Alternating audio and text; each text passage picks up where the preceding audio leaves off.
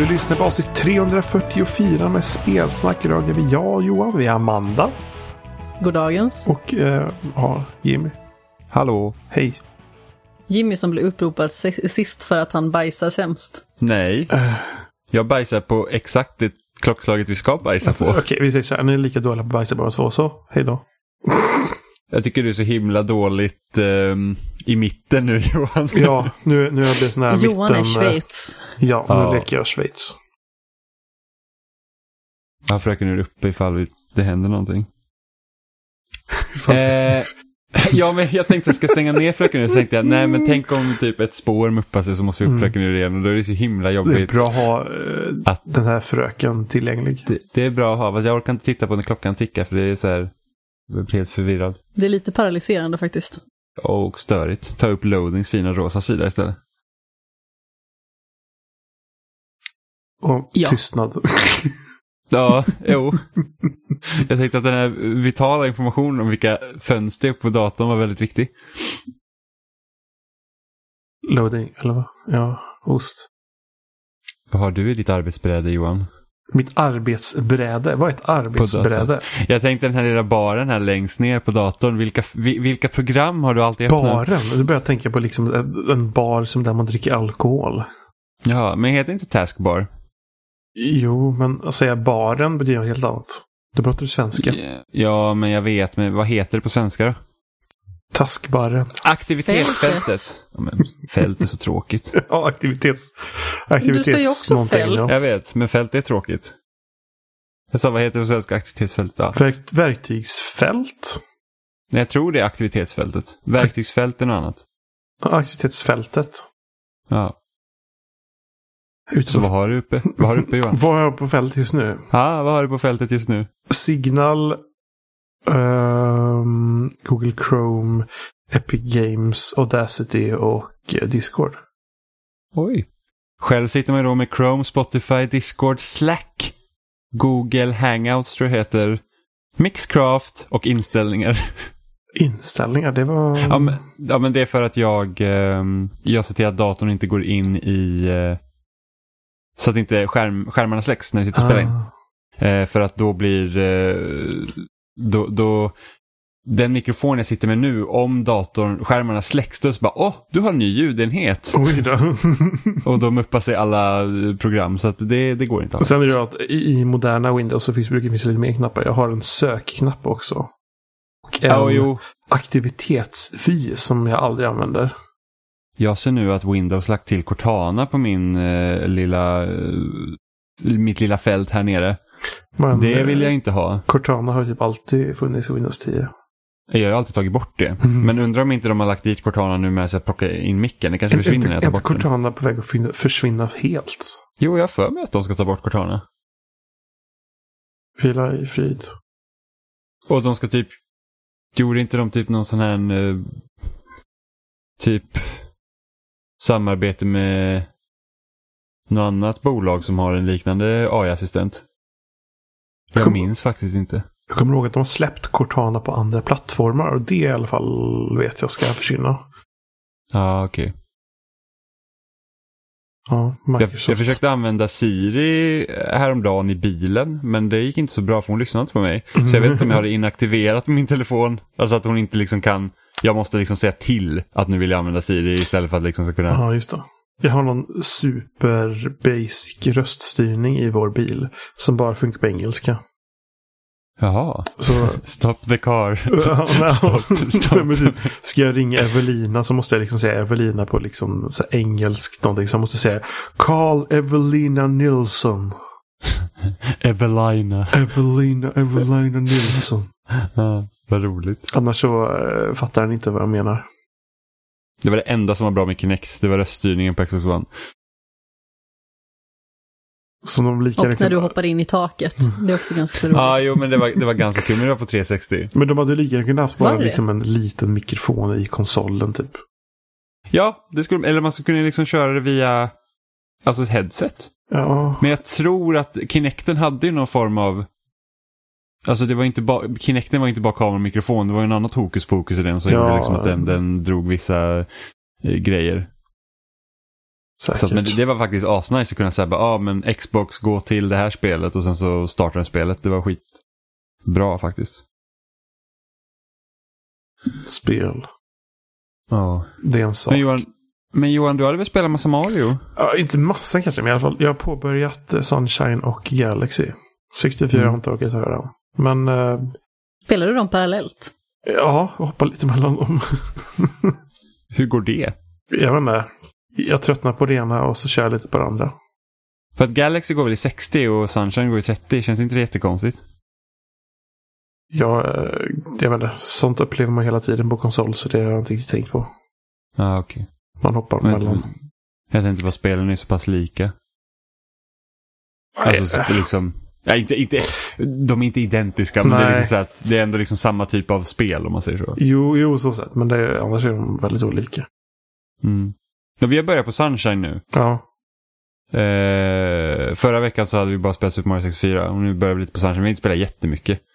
jag är mest Nej, det kan ha varit en timme ungefär. alltså, Ja, en och en halv. Du sov. Det spelet har väldigt speciella kontroller. Och är liksom och vad du gör med Mario jämfört med alla andra spel. Och det funkar inte alls lika bra när man inte har GameCube-kontroll. Alltså jag minns ju inte hur det kändes på GameCube så jag Okej. kan liksom inte säga att Nej, men åh jag, vad lustigt det känns. För mig Ja. är det typ så här, okej, det är Sunshine liksom. jag, ja, okej, jag måste ha kört det i alla fall inom de närmsta två åren tror jag i alla fall. Jag har nog kört Sunshine på eh, eller GameCube-versionen. Mm. Och det här med att man kan liksom finjustera lite mer vattenstrålen och sådana saker. Hur mycket man blåser eller hur mycket man sprutar. Mm. Gör att jag känner att jag får mindre kontroll och sen känns spakarna mycket flimsigare på i alla fall då som jag kör med joyconsen. Ja, men Joy-Con-spakarna är ju liksom, de är Ja. inte jättebra. Nej. Jag ska bara gå in och rätta Jimmy här, för han hänger ut mig som någon form av sjusovare, men jag sov faktiskt inte alls, utan det var så att jag var tvungen att öva koreografi på ett program. Amanda sover jämt. Det gör jag faktiskt inte. Nästan jämt. Ve och fasa, hon sover till och med nu. Och pratar i sömnen.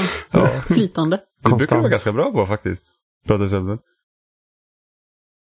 Vad har jag sagt? Ja, men det händer lite titt som tätt. Du mumlar mest. Det är väl inte att vara bra på att prata i sömnen. Om man vill mumla så är det bra. Ja, nej men. Jimmy har sagt jättemycket roliga grejer som eh, han absolut inte kommer ihåg dagen efter. Som jag påminner Ja, ja, honom ja. jämt om, Jag andra säger, sidan. jag säger jättemycket mycket roliga saker, men det ena utesluter inte det andra. Men jag mumlar ju, det är ju inte ens roligt. Ja, fast du har sagt, du, jag har inte sagt något så här specifikt, så här, åh gud vad superroligt, men det är alltid kul när folk pratar i sömnen, för det är liksom verkligen så här att nu händer det grejer. Ja. Super Mario Sunshine. Men alltså det är jättekonstigt i Super Mario Sunshine att, alltså överlag varför, varför har de inte GameCube, varför kan man inte använda GameCube-kontrollen till Sunshine? Ja, och så, ja, det är så här små saker som jag tycker är underliga. Typ att vissa um, knappikoner är utbytta. Men bara vissa ikoner. Om man kollar i både Sunshine och ehm, Galaxy. Så jag tror jag såg att, fasen vad det det var, om det var axelknapparna var utbytta ikoner. Men Y och X var inte utbytta ikoner, det var GameCube-ikonerna. Ja, förmodligen är ju det för att eh, GameCube hade ju bara L och R medan Switchen har ju två stycken. Jo, precis. Du har ju Men när de, LR, så- när de nu började byta ut ikoner, varför gör de inte det med alla då? ingen aning. Men det och sen är det ju samma det här med eh, de banorna när man inte har fladd på sig. Ja, Det här har de ju failat med, em- med, emulatorn så man ser så här debug-block. jaha. Så, eh, så när typ ehm, det är en typ av del på sådana banor där det är block som rör sitt mönster. Ja, Då ser du rälsen som de blocken följer. jaha. Som små, små, små, små fyrkantiga block och liksom prickar emellan. Ja, så- precis. Så man ser liksom vilken väg som de ska åka. Och det är inte, och det är inte tanken att det ska vara så. Mm, det tror jag inte. För att eh, du ser samma problematik när du kör, spel, eller när du kör spelen i, eh, i emulatorer. Alltså inofficiella Ja. emulatorer. Så Ja, det, det verkar okej. vara någonting som blivit så och sen har de valt att inte försöka åtgärda det. Mm. Alltså, Nu kan man ju patcha spel nu för tiden. Det är inte som Nintendo förr i tiden. Men, så det är fullt möjligt att de kommer patcha detta också. Det vet man inte. Men jag kommer aldrig, jag, kommer aldrig glömma när, de, när Wii U hade en eh, dag ett uppdatering alltså maskiner, och de bad om ursäkt. Och typ alla retade dem för det. Var så här typ att åh det är så dåligt Wii U, liksom haha, dag ett uppdatering Ja. och sen året senare släpptes PS4 och Xbox One. Och då hade ju de också två stora ett uppdateringar. Ja, och spel idag är ju... Alltså, Ja, alltså- du laddar ju ner spelet igen. Även fast du köper det på skiva. Ja, gud ja. Det, jag kan inte komma ihåg senast när det inte var en dag ett uppdatering till ett spel. Final Fantasy 7-remaken va? Det är faktiskt sant. Final Fantasy 7 hade ingen dag ett patch. Oj. Det var liksom, det var, det var, det var klart. Och det är ett enormt spel verkligen. Ja, jag vet inte om den har fått någon patch efter det heller. Men eh, nej, det, det var faktiskt klart dag ett liksom. Det, det, man, man kunde, alltså hade, hade man det på skiva så var det bara att stoppa in och ja, installera det såklart. Men sen var det bara att ut och köra, så man inte ladda ner någonting. Ja, det tog ju förbannat lång tid för mig att just installera det, så det var väl det stora problemet. Ja, för att PS4 har så konstigt minnessystem. Men det, Jag fick radera så himla mycket. Ja, Du måste ju ha dubbelt så mycket minne ledigt som spelet faktiskt kräver. men där var ju PS-gen ännu värre. Ja, gud. P, alltså, hela PS3s uppdateringssystem var ju så jäkla Ja, konstigt. men det var ju alltså, typ- alltså när du laddar ner spel också. Du, det stod att du laddade ner hela spelet. Och sen så skulle den göra mer saker med spelet i typ eh, dubbelt så lång tid till. Ja, den skulle ladda ner varje patch för sig. Mm. Så jag kommer ihåg när jag startade Little Big Planet första gången så var det 37 stycken patchar som skulle laddas ner. Jo, men sen ska den- hantera varje. Alltså ofta om man kollar på 360 så var det att om du laddar ner spelet sen är det klart. Medan Ja. på PS3 var det att nu laddar jag ner den här saken. Sen ska jag hantera den här saken. Typ packa upp den eller någonting sånt där. Så det var ju, Ja. det tog alltid liksom dubbelt så lång tid än man trodde det skulle ta. Men det är, PS4 har också ett konstigt system för den ska också kopiera och hålla på efter att du har laddat ner sakerna. För då verkar det som att den placerar ut filerna. Jag tror De- på de- Xbox och sånt så görs det automatiskt under tiden. Ja, Min Playstation 3 hade ju så lite utrymme från början så jag var tvungen att öppna upp den och byta hårddisk för att jag skulle kunna ladda ner första Mass Effect.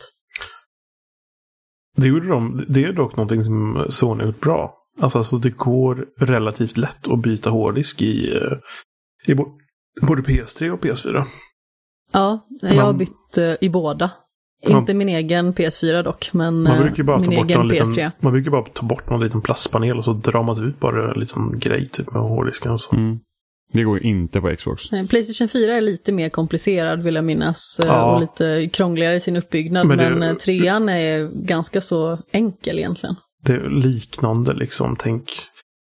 Ja, Xbox Mm, men- går väl inte. Jag tror att jag tror Nej. du kan, men du måste typ alltså, Ja, men typ superhacksa ha saker. sönder, ha sönder skiten. nästan. Ja, Eh, Men jag antar att anledningen till att Sony var så, alltså både på, i alla fall på PS4 att de fortsatte att skulle kunna byta din egna hårddisk var ju det för att det fanns inte stöd för extern hårddisk när maskinen var ny. ja just det. Det kom ju några år senare. Men jag tror på Xbox, inte från launch var det inte tillgängligt men det kom ganska snabbt efter det. Men eh, hur, hur känns Galaxy då, Johan? Galaxy hade jag problem med först med eh, pekaren. Den typ hackade fram. Eh, men sen visade det sig att batteriet var nästan slut på den här joyconen. Och då var det Ja. som att den typ den funkade men den fungerade sämre typ. Mm. Så när jag väl körde med joycon som ordentligt laddad sen så hade jag inte så mycket problem med det faktiskt. Eh, jag blir fortfarande lite åksjuk när jag springer runt upp och ner i det spelet. Jaha, brukar, bruk, brukar du ha problem med åksjuka? Nej, inte vanligtvis. Det är inte som, det, ofta är det ju vanligt att folk har och får åksjuka i FPS-spel och sånt. Men jag, jag blir liksom... Jag får lite så här, eh, blir förvirrad och lite illamående i Galaxy för, för att allting blir så knasigt hela tiden när man, när man springer man runt de här små bollarna och sånt. Ah.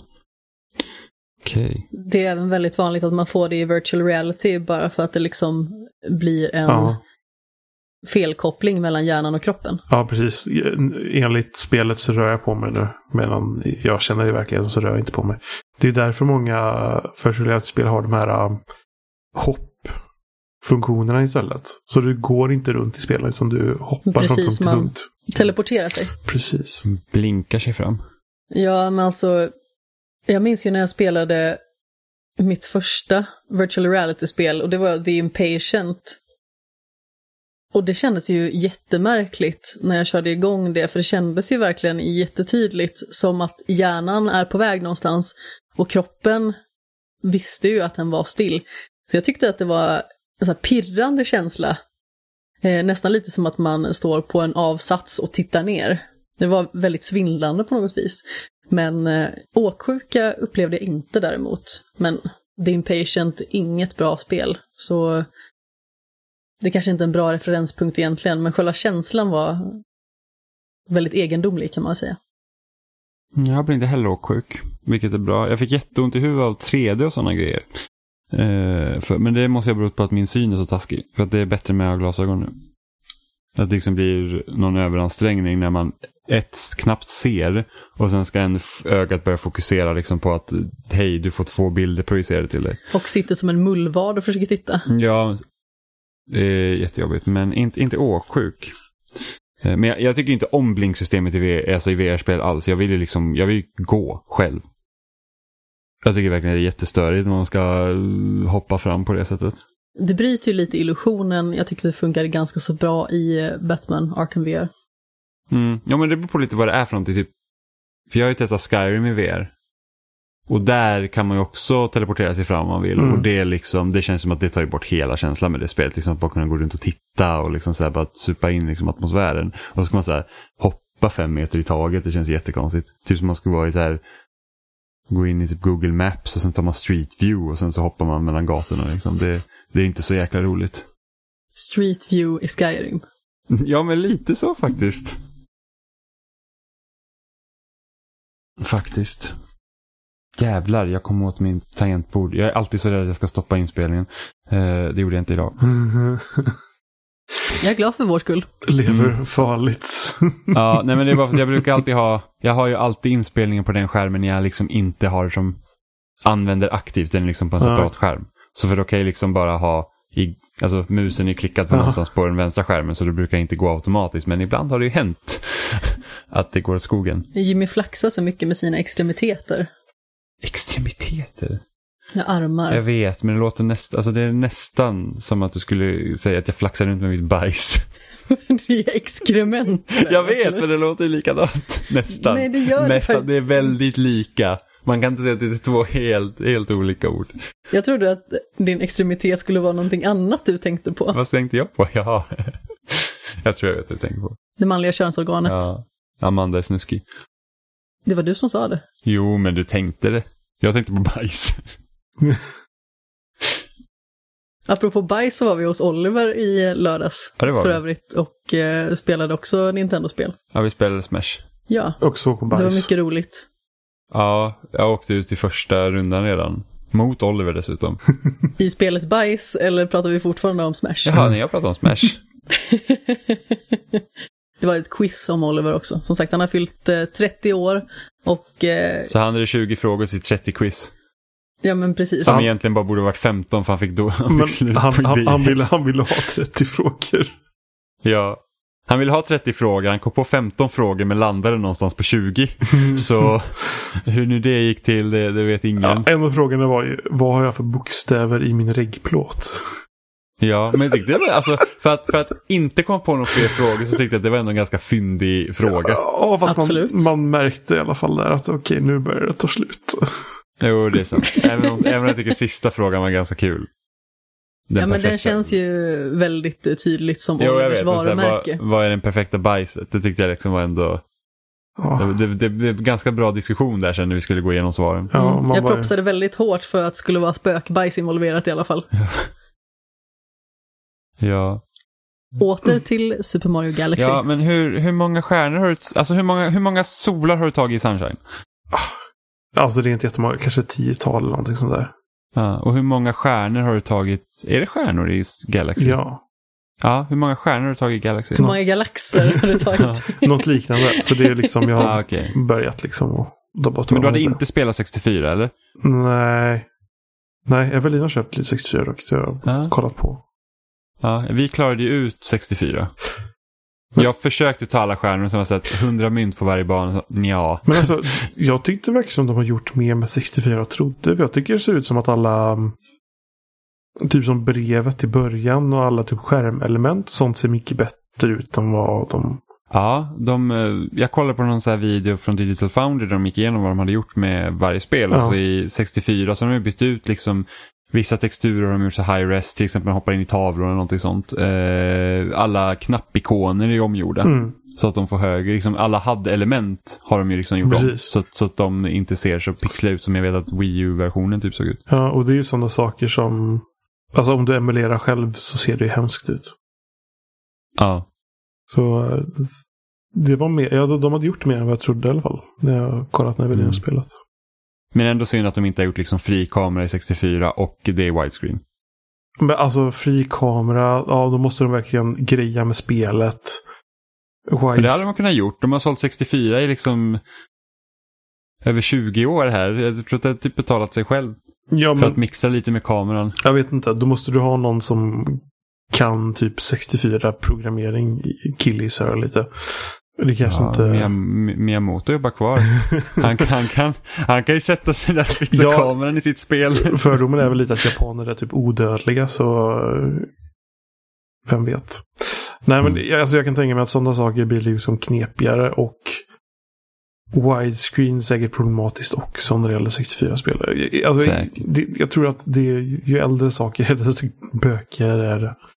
Jo, men de hade ändå kunnat lösa det liksom. Ja, men, det, men det är samma sak som vi pratade om med Sunshine och att man ser så här debug-saker i spelet, sådana saker. Så kan mycket väl vara corona som orsaken med att saker tagit längre tid och att de har fått hoppat över och fixa vissa saker. Men det kan också vara att Nintendo, Nintendo gör en väldigt splittrad kvalitet på sina saker ibland. Alltså skärmen har jag absolut inga problem med. Det är just kameran som är så otroligt fruktansvärd att hjärnan får kramp i mångt och mycket. Ja, Ja, alltså värsta är när man typ går på en så här rak, man går på liksom en rak väg som är ganska smal. Så Okej, men om jag bara håller den här kursen nu så, så, så klarar jag det. Och kameran svänger och Mario bara hej då, går Men- över kanten. men det är ju typ så här- Farväl men grymma det, värld. Men det är detsamma det- på vissa ställen i Sunshine också. Att det, det är eh, att kameran tas över. Alltså spelet tar över kameran. Mm. Speciellt när du ska upp till, eh, vad heter det, Piranha. Eh, När den står uppe på Ja, precis, vindkvarnen. man, ja, precis när man springer runt den. Mm. När du springer runt Mm. den så är det ju alltså det är ju liknande som när du springer upp till första bossen om man säger så i Super Mario 64 också. Eh, Mm. Båda på de två ställena du springer runt liksom, så är det att helt plötsligt att ja, men nu tar spelet kontroll över kameran och så försöker du kontrollera kameran själv och då blir det att man springer typ in i väggen eller ut för stupet. Mm. Eh, Det blir lite funky när spelet inte kan bestämma om man har kontroll över kameran eller inte. Ja, precis. Alltså drömmen hade ju varit typ om de hade gjort om, alltså gjort en ny version av Super Mario 64 i samma motor som Odyssey. Ja, det hade varit Det hade, varit, det hade ju varit liksom, det hade varit ganska häftigt faktiskt. Det Jag kom på så sent som idag att jag borde spela det. Har du inte spelat Super Mario Odyssey? Nej, det har Ja, jag du inte. kan Jimmy. låna det av mig, jag har det. Eller ja. Du kan spela det för att vi har det. Rättare sagt. Det, det är faktiskt, alltså Allt Odyssey, mitt är ditt. Odyssey är jättebra. Men, Alltså Nintendo är ju typ konstant förvirrande eller förvirrade beroende på vilket perspektiv man vill kolla på det. Det Vi tycker att de är förvirrande. De tycker att de är förvirrade. Ja. Nej men för det är liksom Ja, ja men vi vill bara kolla framåt och göra nya spel. Liksom inte hålla på och greja med typ remakes och gamla spel. Och så slutar det ibland med att de gör remakes och, eller återsläpp på gamla spel och så gör de det så här lite halvdant. Ja. Lite så här osäker typ. Och, De gör ju det i mångt och mycket på ett vis där det bara lever på sitt nostalgiska värde. Ja, typ så här. Vi gör det här för att vi har en pistol mot huvudet. Folk förväntar sig det här, så ja, men vi gör någonting. Och sen så blir det kanske inte så bra som det kunde ha varit. Ja. Och nästa år är det 35-årsjubileum för Zelda. Mm. Om de hade tänkt att fira det. För de, alltså Wind Waker HD och Twilight Princess HD är ju fortfarande låsta på Switch. Och med tanke på att de liksom flyttar över allt, alltså hela deras egna spelbibliotek från Wii U till Switch. Det är inte många spel kvar nu Nej. som inte finns på Switch. Det är typ Xenoblade Chronicles X, Zelda-spelen. ehm, De försöker i stort sett att radera Wii Us existens. Mm. ja, men det- ingen vet om att Wii U existerar. Jag Nej. tror det är problemet. Alltså, ah, det, Ja, det, det För, för om man maskin. går tillbaka till Mario-samlingen bara. För Mm. om alla rykten inte hade läckt. För, för det började bubbla för det kom liksom rykten om att samlingen skulle komma. Ja, det var ju någon gång i mars vi pratade om det tror jag. Om Mars, de, april. om de ryktena aldrig hade kommit ut och det hade aldrig funnits en samling.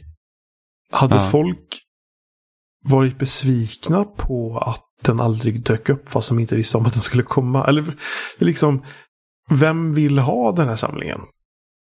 Jag var ju jättepeppad på den. När du visste om att den skulle komma?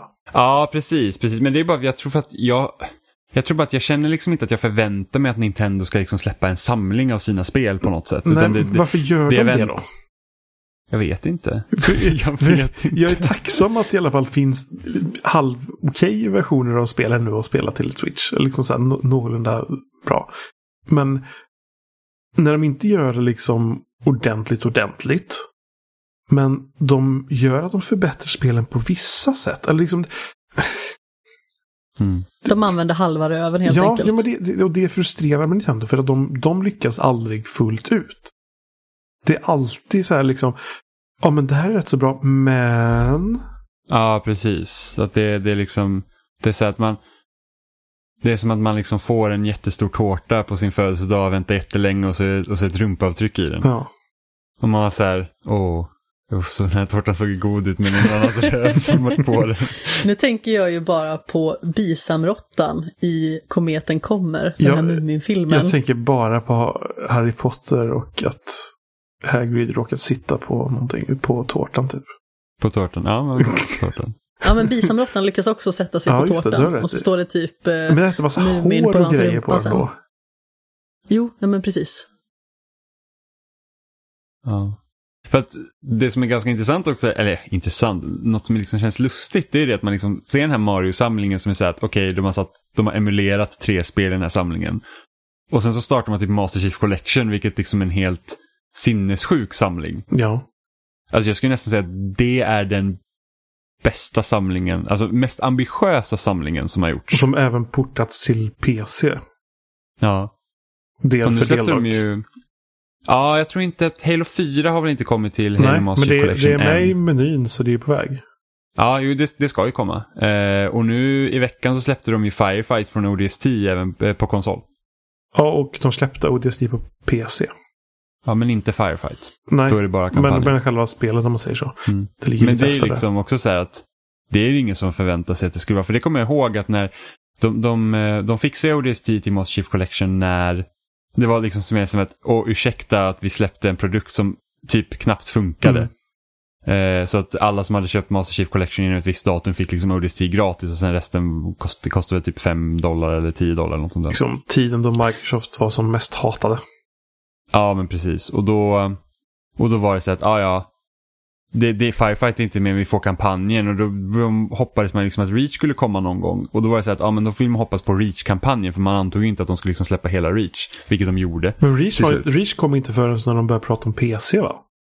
Nej, precis. Jag tror det utannonserades samma dag va? att Reach skulle komma och att de hade Ja. PC-porten på gång. Så det var väl, när var det? Det var någon gång förra, förra hösten tror jag de utannonserade det och sen så släpptes det Reach i december tror jag. Eh, 2019. Så att den liksom... Eh, jag skulle inte förvåna mig om de någon gång liksom gör Master Chief Collection liksom att de typ... Det blir typ deras Halo-hub eller någonting sånt. att De fixar en version för Halo 5 till den också. Men eh, det vet man ju inte. Eftersom Halo 5 blir inte fast på Xbox One nu eftersom allt går över till Series X. Vilket folk faktiskt har börjat fått klämma på nu för att de har skickat ut recensionsexemplar exemplar av eh, maskinen Mm. till folk. Med i princip bara gamla spel. Ja, precis. De hade någon så här... De fick väl typ bara prata om typ bakåtkompatibilitet. Men egentligen det är typ det som är mest spännande egentligen med Ja. maskinen just nu. Det är så att ah, auto-HDR och sådana grejer. Men det, det är också det här med att eftersom de gått över till något så, alltså något som känns mycket mer standardiserat. Och Mm. det känns som att spelen överlag nu är mycket mer skalbara på något sätt. Så det känns som att ah, men nu är det bara en ny hårdvara, då kan vi bara ändra lite parametrar och så poff, ser det bättre ut. Mm. Jo, men det, och, och, och speciellt om de liksom planerar för det. Mm. Från första början. Ehm, för det är liksom, så att annars får, sitter man där med typ Playstation 3 och cellarkitektur och ingenting funkar. Ja, eller så är man typ eh, svartmagiker som Microsoft är och får Xbox 360 att funka på Xbox One. Ja. Som Jo, men- ingen förväntade sig att de skulle göra. Nej, men tanken var att Xbox One skulle vara fullt bakåtkompatibel med 360. Men det blev för dyrt. Och de fick liksom inte plats med det de hade Ja. behövt få plats i maskinen just då. Och sen löste de det Ja, efter de, det. de bara, ja, nej, hela Mm. den saken är helt galen. Ja, faktiskt. Men så det, det ska bli kul liksom att se hur ba, de bakåtkompatibla spelen liksom ser bättre ut bara per automatik. Ja. För typ, jag läste, jag läste någon precis innan vi började spela in nu så här, typ att ja, alla bakåtkompatibla spel kommer att ha HDR förutom några få titlar där de kände sig att det gör ingen skillnad om vi har HDR i den här titeln överhuvudtaget. Hur är det Vilket med, är också så här, hur är det med. Xbox-spelen på Xbox One X? Vad kör de för upplösning? Är det 4K? i, ja, jag tror det. Jag, jag kan inte säga 100% säkert nu. Men tänker du original Xbox nu? Ja, precis. Ja, jo men de, de, är, de, de ska köras i 4K. Hur är det med 360-spelen då? De kanske bara körde Där- 1440 eller någonting sånt Där där. tror jag att det är typ case by case basis. Ja, okej. Jag tror att Mirror's Edge kör 24K till exempel. Men, det, men där är också vissa speciella titlar som är liksom X-enhanced. Det är inte alla. Ja, okej. Men Mirror's Edge till exempel har jag för mig kör 24K. Vilket jag inte har testat, det borde jag göra. Mirror's Edge är ett av mina favoritspel. Jag, ska, jag tror jag, jag ska lägga, eller nu ligger redan på bakbenen om man säger så. Men jag ska nog låta Red Dead Redemption ligga, Red Dead Redemption 2 ligga lite kvar på bakbenen. Och så ska jag ta tag i det i samband med mitt nya Mm. Xbox. Kommer du, dags. kom, kom, då kommer du minska din laddningstid med två minuter. Är det sant? Ja, det var, de hade gjort test nu hur, hur långt det tog att starta Gud. Red Dead Redemption 2 på en One X. Och du sitter på S va? Ja, Eh, Johan? Ja, precis. Så att- Jag också. Och då var det två minuter och 20 sekunder. Och, och för att typ starta spelet. Och på Series X så var det på 23 sekunder. ja, nu såg jag den bilden på Twitter här. Mm. Så det är liksom en enorm, alltså alla som har testat konsolen nu säger liksom så att det är en sån enorm skillnad i hur snabb den är så att det är ingen som vill gå tillbaka till sina gamla konsoler Mm. längre. Och sen så, Och vilket, sen så blir det högre upplösning också. jo det blir det. På Men min- det är ju så här grej som, som känns typ att när man startade både PS4 och Xbox One första gången och sen gick man tillbaka till PS3 och 360 och man var så här, jävlar vad slöa de var. Ja, och det är ett ganska mycket större hopp nu när man går ifrån hårddisk till NVMe SSD. Ja, verkligen. Det kommer göra stor skillnad. Ja. Men Amanda, har du spelat något spel? Ja, det har jag faktiskt. Va? Förutom att jag eh, fortsatte att spela Pyre naturligtvis, som jag pratade om förra veckan, så införskaffade jag idag eh, ett spel på Switch som heter Coffee Talk. Vad är Coffee Talk? Jag kommer till det, jag måste bara berätta något jättedumt som jag gjorde. För jag skulle liksom kolla eh, vilka språk det fanns som man kunde välja. Så jag råkade klicka på ett och eh, då valde jag det. Eh, så jag förstod inte ett dugg av vad det var från början. Just för att eh, alla menyer och sånt var på, jag tror det var koreanska. Ja, då kan man liksom inte ens typ låtsas veta, då är det bara massa tecken. Nej men precis, så jag fick gå in på min andra amerikanska användare, för jag ville liksom ha allting på en och samma. Ja. Fick gå in på den, kolla hur menyn var upplagd på engelska, memorera det, gå in på den koreanska versionen och då ändra till engelska i den. Hur kommer det sig att du har två profiler? För att när jag eh, fick en kod till Steamworld Quest så behövde man ha en amerikansk profil för det. för att det var en eh, Amerikansk, amerikansk kod. Ja, vad märkligt med tanke på att företaget är svenskt. Ja, och jag kunde ju spela på min andra profil. Men du kunde inte redeema den på... Precis. Mm, okej. Eh, men Coffee Talk i alla fall är eh, någon form av retroestik, eh, flörtande grafisk novell med animetecknade karaktärer. Och man spelar en barista som man kan välja att döpa till barista om man vill. Det är i stort sett grundnamnet. Men man kan ju välja namn själv. Men jag lät det vara barista, för jag kände att jag vill hålla mig så neutral som möjligt i Ifall det du här råkar sammanhanget. trycka i koreanska igen så du vet hur du kan...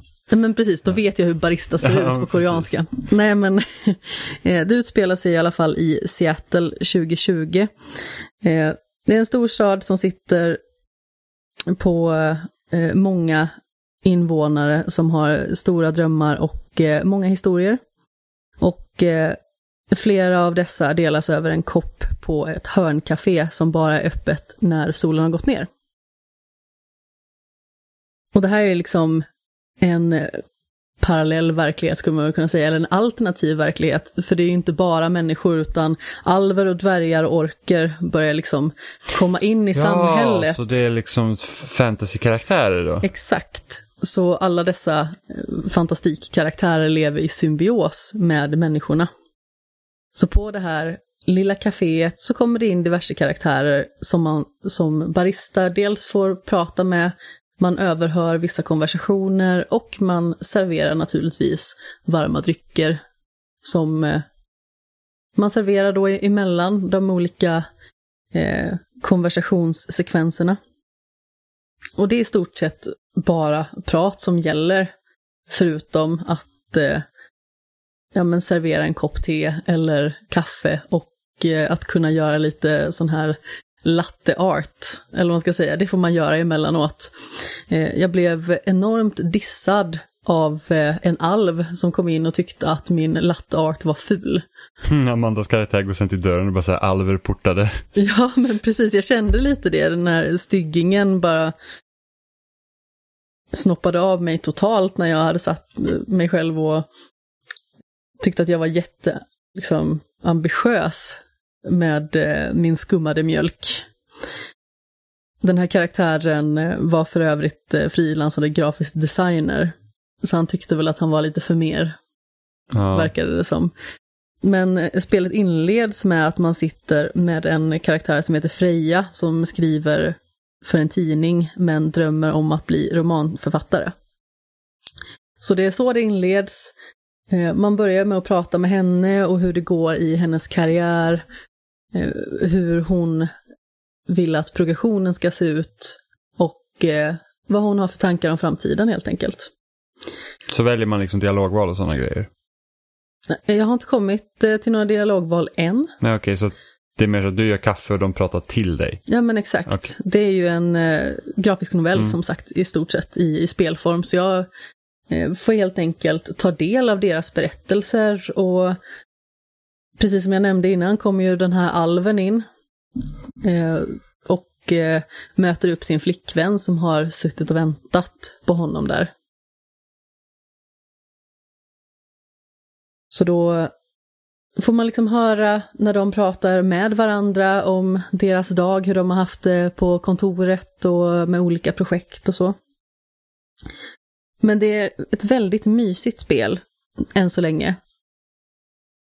Det är inte direkt jättespeligt på det sättet, men det kändes faktiskt som någonting jag behövde just nu. Jag trodde att jag ville ha någonting jättefartfyllt, för jag sitter och väntar på att eventuellt få kod till Hades. Och eh, om jag inte ska recensera det så tänker jag köpa det. Och det är ju verkligen raka motsatsen, det är ju väldigt speligt om man säger så. Ja. Men jag tog mig an det här och började spela lite på min rast. Och tyckte att det var så himla mysigt. För det känns så otroligt meditativt och tillbakalutat. Och jag bara fick trivas på något vis. Så det ska jag liksom spela klart i dagarna. Jag har fått för mig att det inte är så himla långt. Alltså det enda jag tänker på är typ så här Men liksom, du är barista och du ska sitta och göra drycker och sådana grejer. Så det enda jag tänker på är så här Backpacker 2-minispelet när man var bartender och skulle blanda ihop drycker. Jag har inte spelat Backpacker. Har du inte spelat Backpacker alls? Nej, Johan, har du spelat Backpacker? Backpacker 2 kommer jag ihåg specifikt. Ja. Ja, Det är alltså, så jävla roligt. så när jag spelar spelet så fattar jag nog inte spelet överhuvudtaget. Men jag kommer Alltså jag ihåg kunde typ, att jag spelar spelet.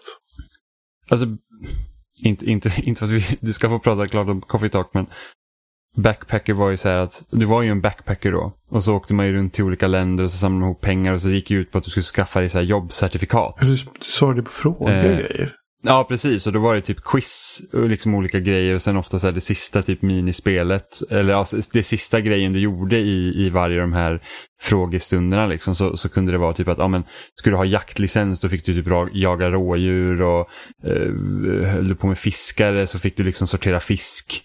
Eh, och bartender då, liksom, då fick man ju liksom blanda drycker och sådana grejer. Så jag kommer ihåg min mamma hade ju så här en stor lista. Hon hade skrivit av varenda dryck som man kunde, alltså hon hade alla certifikat. Eh, man kunde, jag kunde typ bara ta jaktcertifikatet för att det var typ det lättaste. eh, men eh, ja, men det, det, det är det jag tänker bara när man står och blandar drycker och så pratar med folk. Tänkte att det låter typ som backpacker. apropå just Backpacker så finns det ju en liten studio i Alingsås som heter Kiwi Interactive som har gjort ett Backpacker-spel till mobila enheter. Det är inte inom samma serie då som Som, original Backpacker, Mm. utan det bär i mångt och mycket samma namn, men man reser runt och eh, samlar på sig eh, poäng och dylikt i olika städer och får svara på i stort sett quizfrågor. Alltså backpacker var så stort i Sverige, det är ju svenskt. Så att det liksom var, det var liksom på topplistan på PC-spel liksom hur länge som helst, typ innan The Sims kom. Ja, men det kan jag tänka mig och det verkar som att det fick ett väldigt bra genomslag mobilt också. Jag har en kompis som jobbade på det spelet. Så vi eh, bjöd in dem till Spelhjälpen och hade med Mm. som gäster. Ja, kul. Ja, det var faktiskt Eh. väldigt roligt att prata om det. Alltså om man tycker om typ så här, alltså, om man överhuvudtaget vill ha liksom mer så här resespel så kan jag tipsa om 80 Days på iOS. Tror det finns på Android också.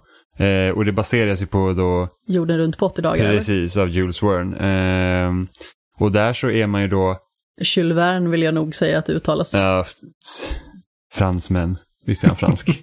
Ja. ja, bra. Eh, men så då är det så att man... Eh, då, Förlåt Jimmy, då jag spelar- känner mig jättedryg. Alltså jag tyckte Ja, också det lät weird att säga Jules. så jag äter lite citron idag eller någonting sånt. Jag Bara. Jag har ätit grön curry, räknas det? ja, jag förstod. Det var därför den gröna curryn alltså. Nej, men då, då, man spelar inte som den här huvudpersonen då från eh, jorden på 80 dagar utan man spelar hans butler. Eh, och eh, så man följer liksom med honom då för att ta sig liksom runt jorden runt på 80 dagar. Och så finns det liksom olika vägar och sånt man kan ta. Och det, och det utspelar sig liksom inte då på, vad är det, 1800-tal. Som jorden på 80 dagar utspelar sig. Utan det, det är liksom en steampunk-version av det bara för att du ska liksom faktiskt kunna ta dig överallt. För liksom, det de hade liksom problem med är att du kan inte åka båt mellan typ Alltså när du ska till Afrika till exempel så kan du inte bara ta liksom en båt från något ställe för att det liksom, då, då är dina 80 dagar slut. Utan då har de liksom något så här typ undervattenståg och grejer. Så att det, det, och det är jättebra. Så att gillar man så här visuella noveller och, eh, och liksom typ lite så här pengamanagement eh, och sånt för att man måste typ jobba och, och liksom så att man kan, faktiskt kan resa runt eh, och liksom samla olika saker. Så då det, det, det är verkligen jättebra det spelet. Men är det Passepartout man spelar då? Vad sa du nu? Karaktären Passepartout? Jag vet inte om det är samma namn. Alltså om de exakt upplagan för... För det är väl själva betjänten i eh, in, Jorden runt inte, 80 dagar? läst, inte läst boken. Nähä, Eh, men alltså det, de karaktärerna baseras i alla fall på boken. jag förstår. Men så det borde man spela, det är jättebra. Jag, jag propsade för att vi skulle ha med det spelet i decenniets spel som vi fortfarande arbetar på på loading. Men det, det, det var typ bara jag som hade spelat det så det var lite svårt. Det är en intrikat process, den här. Ja, det är det. Ska ha 15 pers att göra någonting. Punkt. det är väl typ så. Det var din recension av vårt arbete. Ja, ja nej men det, det, det går framåt. Eh, men så det borde man spela. Men eh, har, har du något mer att säga om Coffee Talk? Jag tror faktiskt inte att jag har det, mer än att det känns som någonting som man kan bara plocka upp en liten stund bara för att mysa. Mm.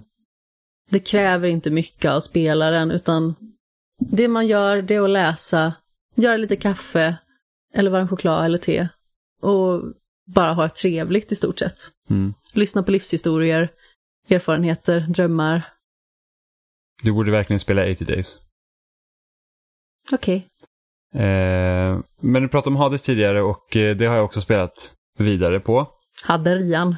Jajamän, och jag eh, klarade jag klarade, jag, klarade ut det inom citationstecken igår. Jag, jag, jag tog sista bossen liksom. Eh, Du fullföljde en hel rond. ja, precis. Jag, jag, hade min första liksom framgångsrika runda av spelet helt enkelt. Eh, och eh, jag vet inte, jag kommer inte riktigt ihåg vad vi sa om spelet förra veckan, men jag, jag var så att ja, men det är ett riktigt bra spel och jag känner att efter den här veckan när jag spelar igen, liksom att jag har fått djupare förståelse om systemen som finns i spelet och liksom så här, hur kan man liksom tänka, eh, vilka, liksom, vilka uppgraderingar kan man försöka leta efter då för att liksom det passar bra ihop med min spelstil eller mitt vapen som, som jag spelar med just nu. Så att man liksom, även om spelet liksom är slump, alltså det är liksom slumpmässigt eh, liksom vilka gudar du kommer träffa på och vilka uppgraderingar du kan få, så är det ändå så att jag börjar ha tillräckligt stor koll på spelet för att ungefär veta vad jag letar efter så att det passar mig. Eh, sen kan man ändå handla i situationer där du liksom får helt andra grejer och då måste du ändra sin speltid vilket gör att spelet är ju, det är ju liksom väldigt roligt. Eh, men en grej som liksom nytt från förra veckan det var ju det att det började liksom, nu har jag säkert spelat spelet i 20-25 timmar eller någonting sånt. Och började liksom märka så här att oj, här kommer liksom nya grejer. De slänger liksom nya grejer på mig här. Trots att det är liksom så här, det här är min 25 run i spelet. Eh, så att det är väldigt kul och nu när jag då tog sista bossen igår så, så märker man att det finns ju liksom så här, inte riktigt endgame material så, men liksom så här, berättelsen fortsätter ish. Även om jag liksom klarat det. Eh, och det är typ också en av de grejerna som har gjort bäst med Hades, det är ju det att de har eh, det är att de har liksom ett, ett fungerande narrativ i världen. Liksom, allt liksom vad storyn baseras på, liksom hur deras system fungerar är logiska för spelet och det finns liksom en story att följa. Och inte typ som så här, men spelar man Rogue Legacy så är det typ, ja men du ska klara det här slottet och alla eh, spelare du kommer spela som, det är liksom dina barn. Eh, och de, de första blir liksom förfäder och, eller typ Dead Cells, där jag inte vet om det fanns någon story överhuvudtaget, man liksom bara springer. Eller, Rogue Legacy fastnade ju inte jag alls för. åh jag tyckte det var jätteroligt. Det tyckte inte jag. Jag tycker det var en otroligt briljant idé att ha så här att ja men din karaktär får barn som du får spela som. Och sen så kan de liksom ha olika grejer, så typ någon var kort och då var, då var liksom gubben jättekort. Så det var liksom, då hoppar han ganska lågt. Eller typ att ja men den här karaktären är färgblind så var allt svartvitt. Det tycker jag är helt amazing. Alltså på pappret är det ju en bra idé. Jag bara fastnade inte för själva sättet att spela. Mm. Jag är ju svårt att fastna för roguelikes överlag, men det, det beror ju också på så att riktiga roguelikes där det är så att dör du så dör du och sen så du liksom allt är förlorat, du får liksom bara bli bättre. Det har jag mest svårt för, men liksom spel som typ Rogue Legacy, Dead Cells eller Hades då, det finns ju liksom en progression bakom där. Och, och då känns det så att, ja men det spelar ingen roll att jag dog. För att inte nog med att, visst jag har ju lärt mig så att jag blir ju bättre på grund av det. Men jag kan också liksom göra min karaktär starkare eller hitta andra vapen eller liksom få några andra bonusar. Och det tycker jag gör det så himla mycket roligare än att man ska börja från noll eh, varenda gång. Ja, Jag vill nog tro att roguelikes i allmänhet gör mig till en sämre människa. Bara för att jag har jättesvårt för det här med att börja om och göra samma sak igen. Mm. Men samtidigt ju spel som DayZ, alltså den typen av spel är liksom jättespännande å andra sidan. Men där, Spelat Daisy, du vet vad det är, eller hur? det vet jag. Ja. Eh, för typ, du, du och jag har ju spelat DayZ Johan. Ja. Och, och där är liksom, jag tror att hade DayZ varit ett sånt spel där man spelar bara liksom med typ PVE då, att det är liksom bara zombies och du ska klara så länge som möjligt, då, då tror jag nog att man kan känna sig att, ah, inte lika kul. Det som är spännande med DayZ det är ju att det finns andra spelare. Ja. Och det, det gör liksom som att det, det är liksom... ja men alltså har en- lär man sig ju hantera. De är förutsägbara. Ja. Andra spelare Men är du spel- skitläskiga. Spelar du H1Z1 Johan? Nej. Nej, det var ju för att det var ju early access och de tweakade ju zombiesen hela tiden för tanken var ju det att även om Även om det är andra spelare liksom som är liksom då huvudhotet så att säga, det är det som gör det liksom spännande, så vill de ändå att zombiesarna ska kunna användas och utnyttjas av både spelare och vara farliga. Så jag kommer ihåg att de hade släppt någon uppdatering där de hade gjort zombiesarna så mycket aggressivare så det spanar alltså horder av zombies. Så att det, liksom var ju, det blir liksom för mycket. Så jag tror jag har någon bild på Steam eller något sånt där typ så här, hela vårt läger, det är bara fullt med zombies överallt för de bara spanar det där. Så att eh, sådana grejer tweakar de ju bort sig. Men, men där kunde man liksom säga typ att jag kommer ihåg att vi ibland använde zombies för att säga att ja men där har vi ett, ser vi ett annat fiendeläge så vi liksom gjorde massa ljud åt det hållet så att zombiesarna började springa dit och då fick de panik och då kunde man liksom plocka av dem. Så det var ganska kul. Eh, men Hades är bra i alla fall. Eh, och det ser ut att i alla fall, alltså det är ett av årets bästa spel, utan tvekan. Tror ni att det nästan kan vara mitt favorit, favorit roguelike faktiskt. Som jag har spelat. Jag ser fram emot att spela det. Mm. Nej, det, det är jättebra verkligen. Jag väntar tålmodigt. Blickar ut över horisonten. Mm. Eh, jag har också spelat eh, Mafia Definitive Edition. Vilket är en remake av första Mafia som släpptes 2002. Eh, och då är det, det är lite mer gjort här än till typ Super Mario samlingen. Ja, här har de det, väl det är gjort liksom- spelet igen. De har ju byggt om spelet från grunden vilket gör att det gör mig lite förvånad över att det ändå känns gammalt till viss del. Eh, speciellt när det kommer till spelets actionmoment och det beror liksom inte på så att oh, det är så här man har strukturerat uppdragen för att det är liksom så att ja men vad kan man förvänta sig av ett spel som typ liksom försöker ha lite samma mall som GTA. Det är, liksom, det är biljakter, det är liksom shootouts, det är, du ska följa efter den här bilen och skugga den ett tag och så har du den här mätaren, som, sådana uppdrag som är rent allmänt är ganska tråkigt. Men av någon anledning så när man skjuter folk så, så liksom så här att du har en sån himla stort sikte på skärmen. Så du kan liksom inte precisionsskjuta liksom på, på, på typ som ett GTA när du bara har pricken till exempel. Eh, utan det är, liksom, det är så stort så det känns liksom lite klumpigt. Det känns nästan som att man typ spelar... Ja, men liksom, jag tror det mest jag påminner så här, typ Jack and Dexter från typ PS2. Liksom. Att man, man så här att åh, du har en stor jävla grön, neongrön sikte på skärmen för att det är så spel såg ut i början av 2000-talet. Nu är det inte så illa, men det är liksom den känslan jag får.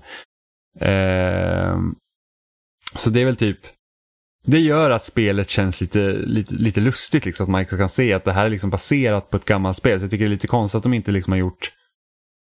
Alltså det känns ju inte liksom modernt i det avseendet som, som jag vill minnas att Mafia 3 kändes redan när det kom. Men det, nu vågar jag liksom inte svara på det för att jag, jag vet att de har liksom tagit Eftersom det är samma studio då som gjorde Mafia 3 som har gjort den här remaken så var det så här att ja, men, vi har liksom kollat på systemen från Mafia 3 och tagit det in i det här spelet. Men jag kom fan inte ihåg att det skulle kännas så här i Mafia 3.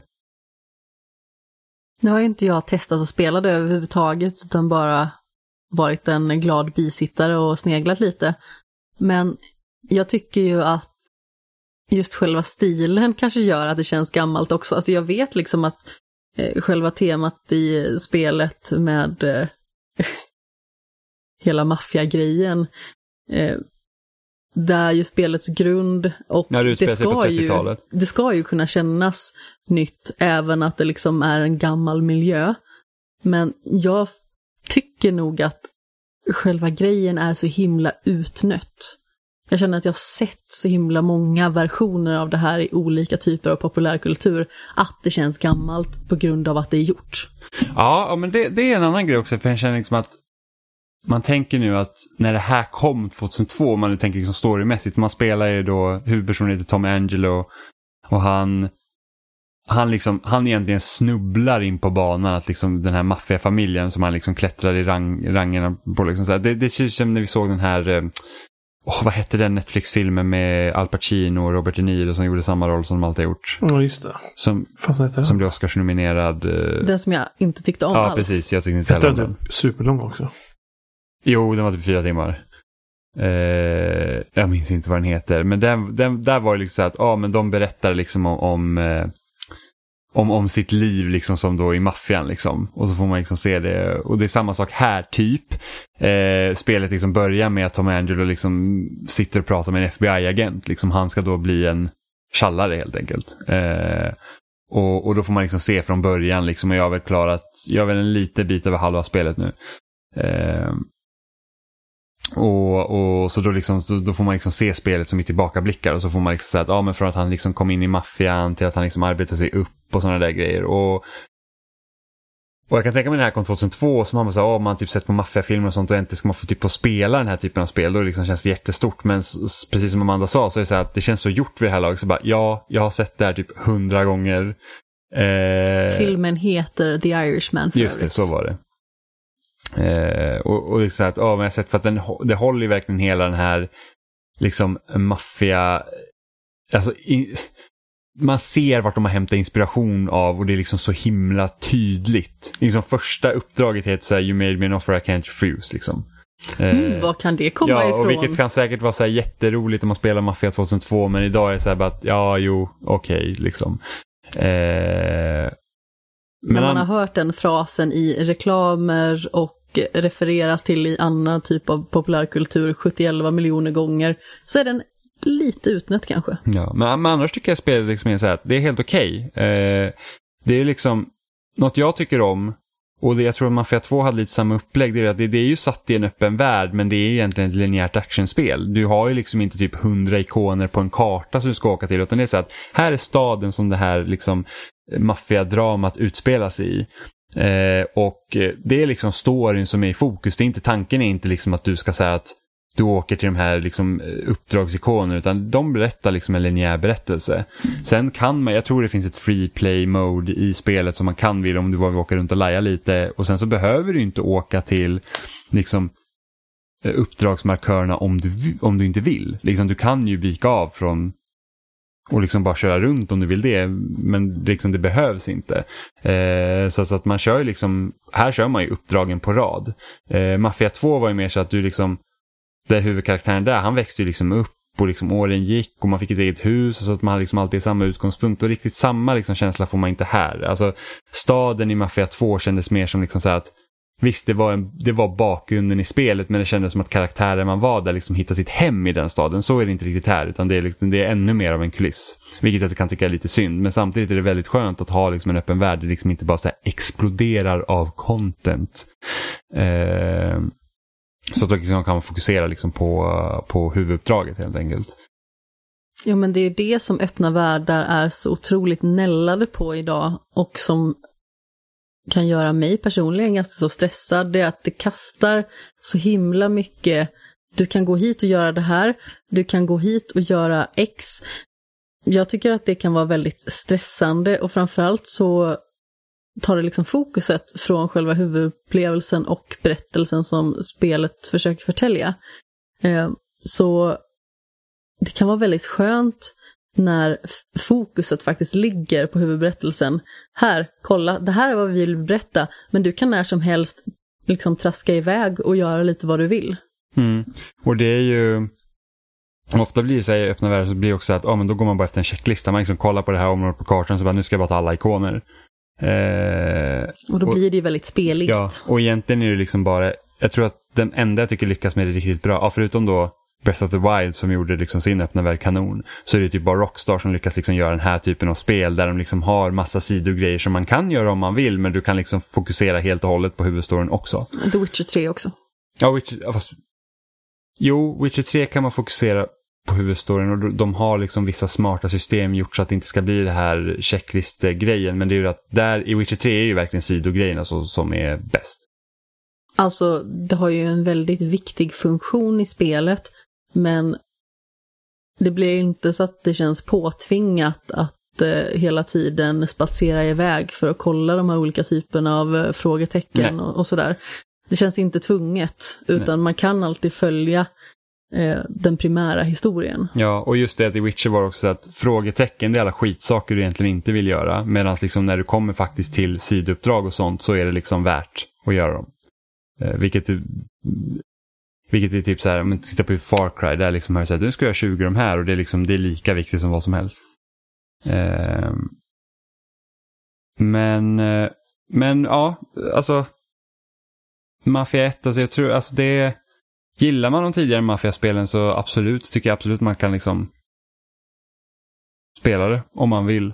Eh, jag känner, det jag känner lite tråkigt när jag kommit så här långt nu är att det, det är lite det är lite dålig uppbyggnad av vissa händelser. Det känns nästan som att man liksom har en sån här highlight reel av, eh, av maffialivet så att säga. Du får ju bara vara med vid de här liksom kanske viktiga punkterna. Som att typ liksom att nu händer det stora grejer och typ den här karaktären han förråder hela maffiafamiljen men liksom så att jag känner inte att jag riktigt bryr mig om den karaktären för att vi har inte liksom någon relation till varandra för vi har kanske sett en eller två gånger i tidigare uppdrag även om jag vet att karaktären har en större relation med den här. Eh, för att eftersom de hoppar i tiden också liksom går fram med några års mellanrum emellanåt.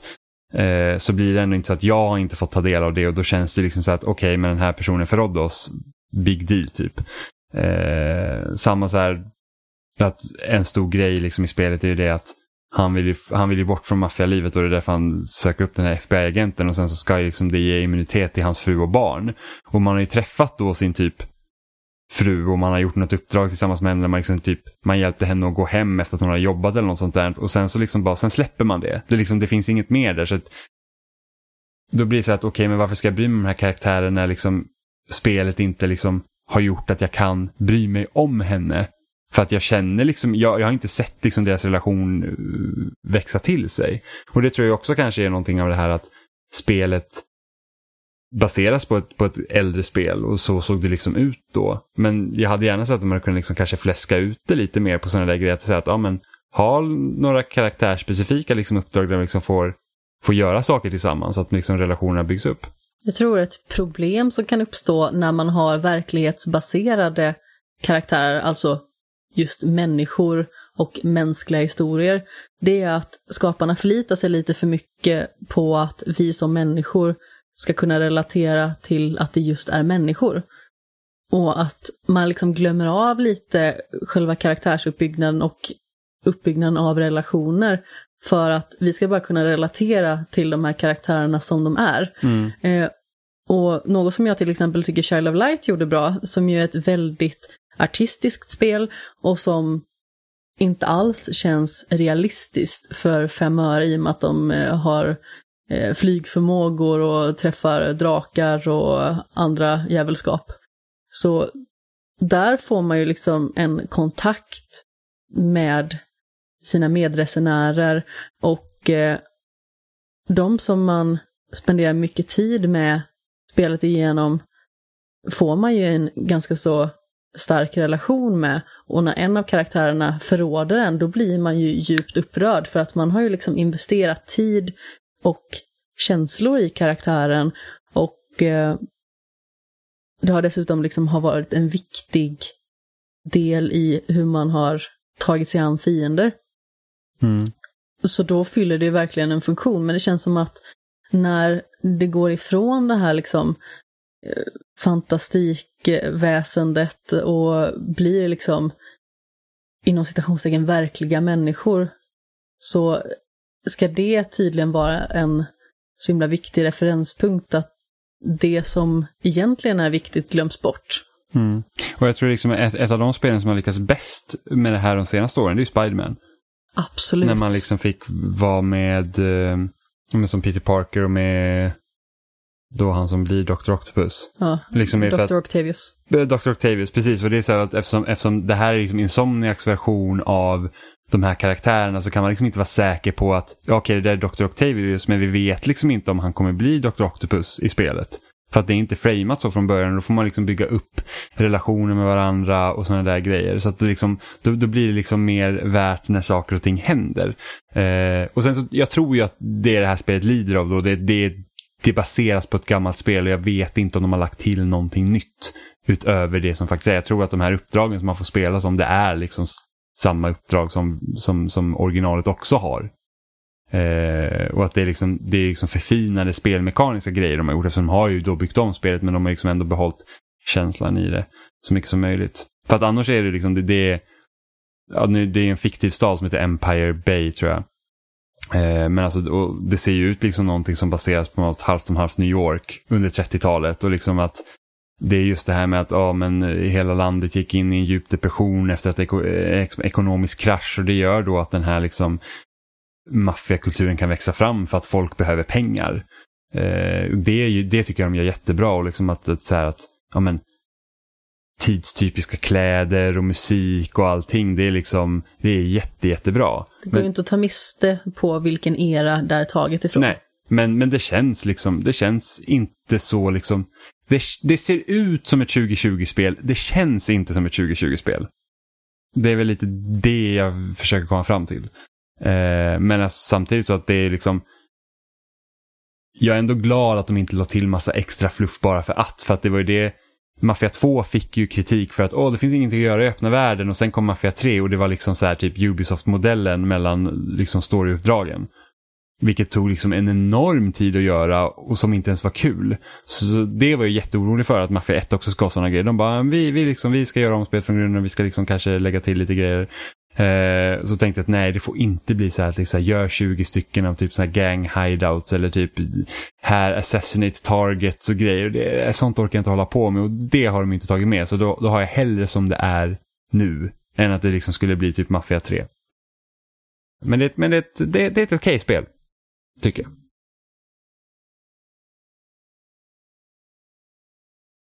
Och det var allt vad jag hade spelat den här veckan. Tror jag. Ja. Ja, coolt.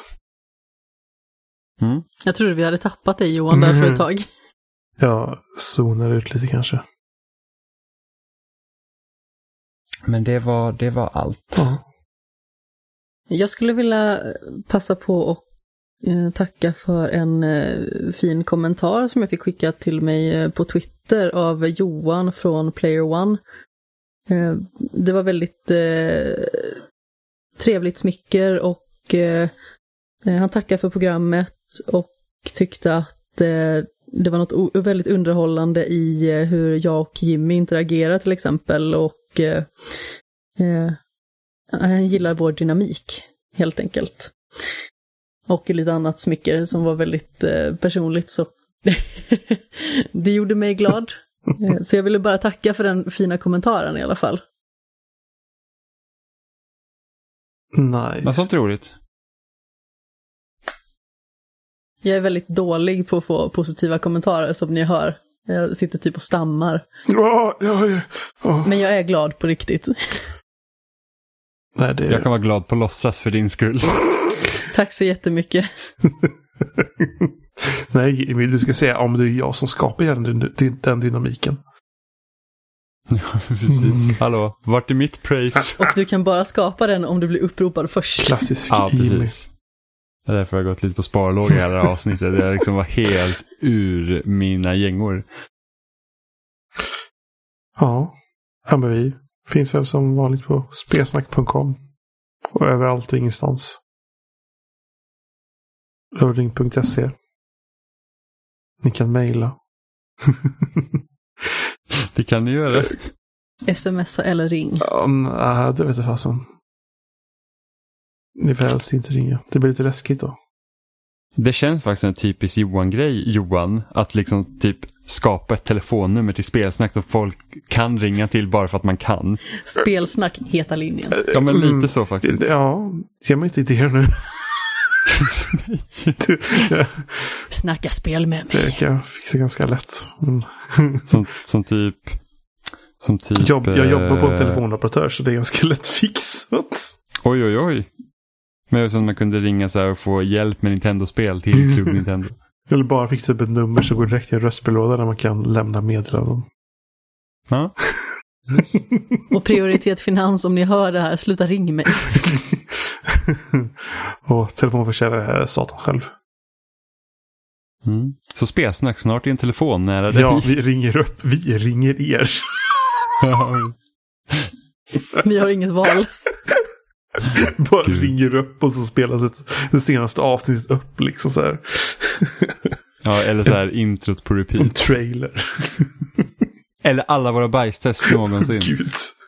Jag får skapa en AI först som kan plocka ut alla bajstest. Mm. Ja, faktiskt. Det hade varit, nu har du något att jobba på Johan när du har tråkigt på jobbet. Vi hörs om en vecka igen. Hej då. Okej, okay. uh, hej. Uh, puss i ljumsken. Uh. Sluta Jimmy. Sluta. Sluta Jimmy.